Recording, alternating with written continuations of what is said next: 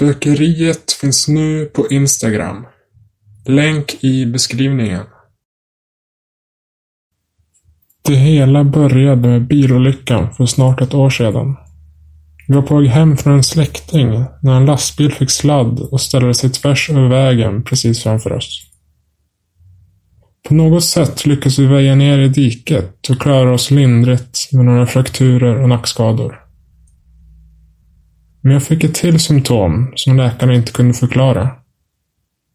Jag hade blivit rödgrön färgblind efter kraschen.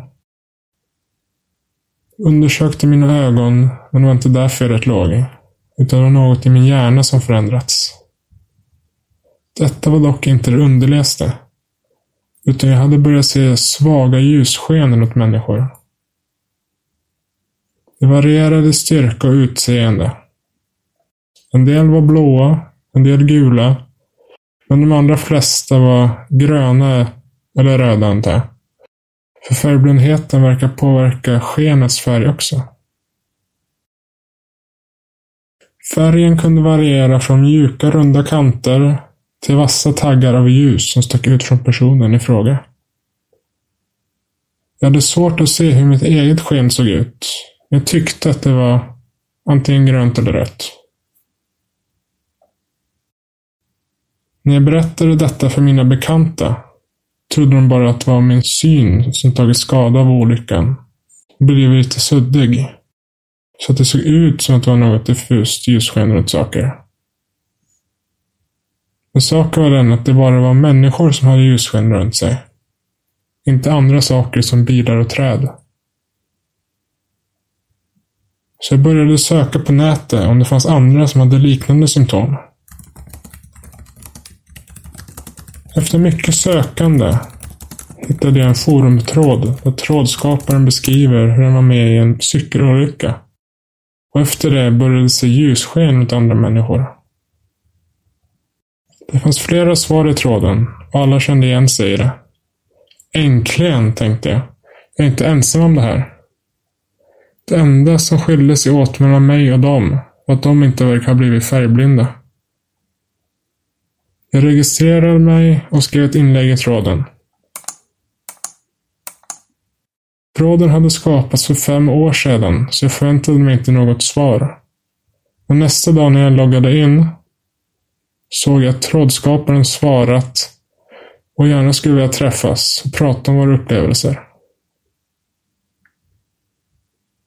Jag avvaktade i några dagar för att se om några av de andra användarna i tråden skulle svara. Men det kom inga fler svar. Så jag accepterade inbjudan. Tänk att få träffa någon annan som förstår vad jag gått igenom. Några dagar senare tog jag tåget och blev uppmött av personen från forumet. Vi presenterade oss för varandra och sedan skjutsade han hem oss till sig. Till skillnad från de andra på perrongen hade han ett starkt ljussken runt sig som hade en form som jag inte sett förut. Det såg ut som att han var ett stort stearinljus, för ljusskenet flammade. Färgen på ljusskenet var grönt eller rött, men i min iver så glömde jag fråga vilken av dem det var. Vi körde ut en bra bit på landet innan vi kom fram till hans hus. Det var en välskött trädgård med blommor i rabatterna och huset i sig var rött med vita knutar. Vi gick in i köket och satte oss och satte igång kaffet. Ur frysen plockade han fram en påse med bullar som han värmde i mikron.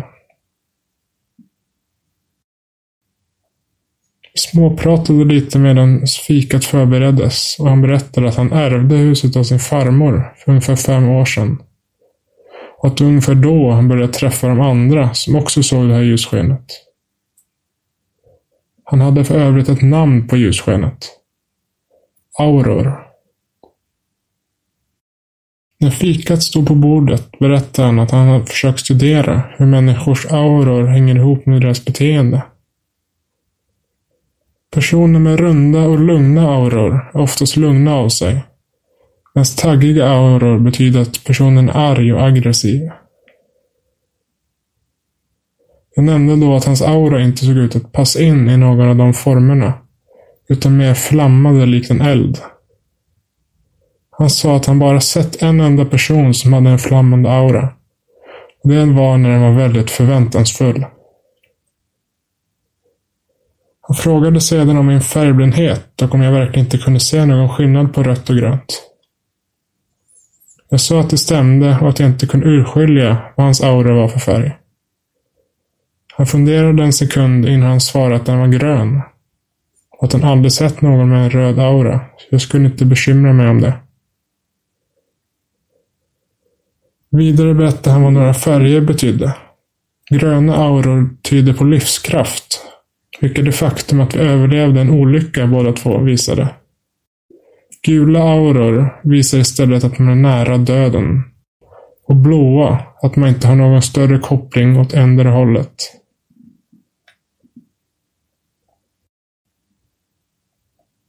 Vi satt och pratade en stund innan jag helt plötsligt började känna mig trött. Huvudet kändes tungt och ögonen blev svåra att hålla öppna. Jag ursäktade mig och bad om vägen till toaletten. Längst ner i korridoren till höger. Jag stapplade iväg och halvvägs genom korridoren kände hur jag plötsligt fick tillbaka lite av orken jag tappat. När jag upptäckte det såg jag ett rum med öppen dörr och på bordet inne låg en fint utsmyckad bok. Jag smög fram och läste titeln. Auror, kort och gott. Jag smög in den under tröjan och gick in på toaletten.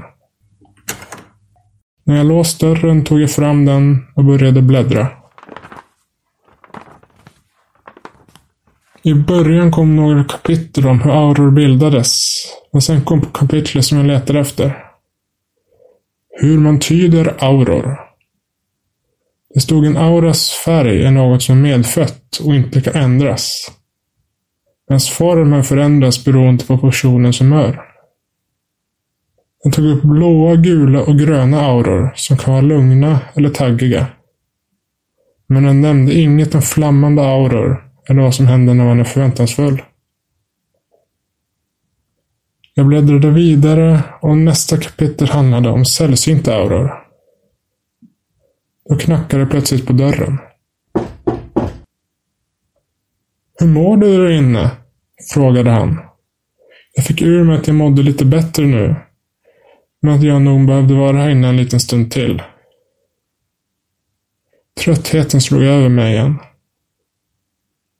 Han sa sedan. Se till om du behöver något. Telefonen är trasig bara så du vet. Och mobiler har ingen täckning här. Och gick sedan iväg. Jag kollade och det stämde. Ingen täckning. När han gått iväg kände jag hur jag piggnade till lite igen. Men han kom snart tillbaka med något som skramlade. Det lät som kedjor. Det klickade till och så slutade skramlet. Och han gick bortåt samtidigt som han skrattade. Jag försökte öppna dörren. Men det gick inte. Jag är inlåst. Jag fortsatte läsa, men höll på att ramla omkull när jag läste. Flammande auror är den sällsyntaste formen av auror endast röda auror kan anta den formen. Det kan ju inte stämma. Han sa att han var en grön aura. Oh. Jag började bläddra frenetiskt. Och till sist hittade jag det jag sökte efter. Röda auror. Den farligaste typen av aura. Det livnär sig på livskraften från gröna auror. Vistas man nära en röd aura tillräckligt länge förlorar kroppen allt liv. Och dör.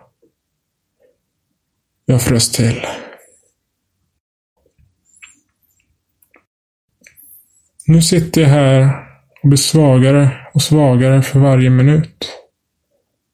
Jag spelar in det här meddelandet för eftervärlden. Jag kommer spola ner min mobil i avloppet och hoppas att den klarar sig till reningsverket, där det borde finnas täckning. Om du hör det här betyder det att det lyckades. Jag är bortom räddning vid det här laget, hur som helst. Och jag vet ärligt talat inte var jag är någonstans. Jag måste sluta nu.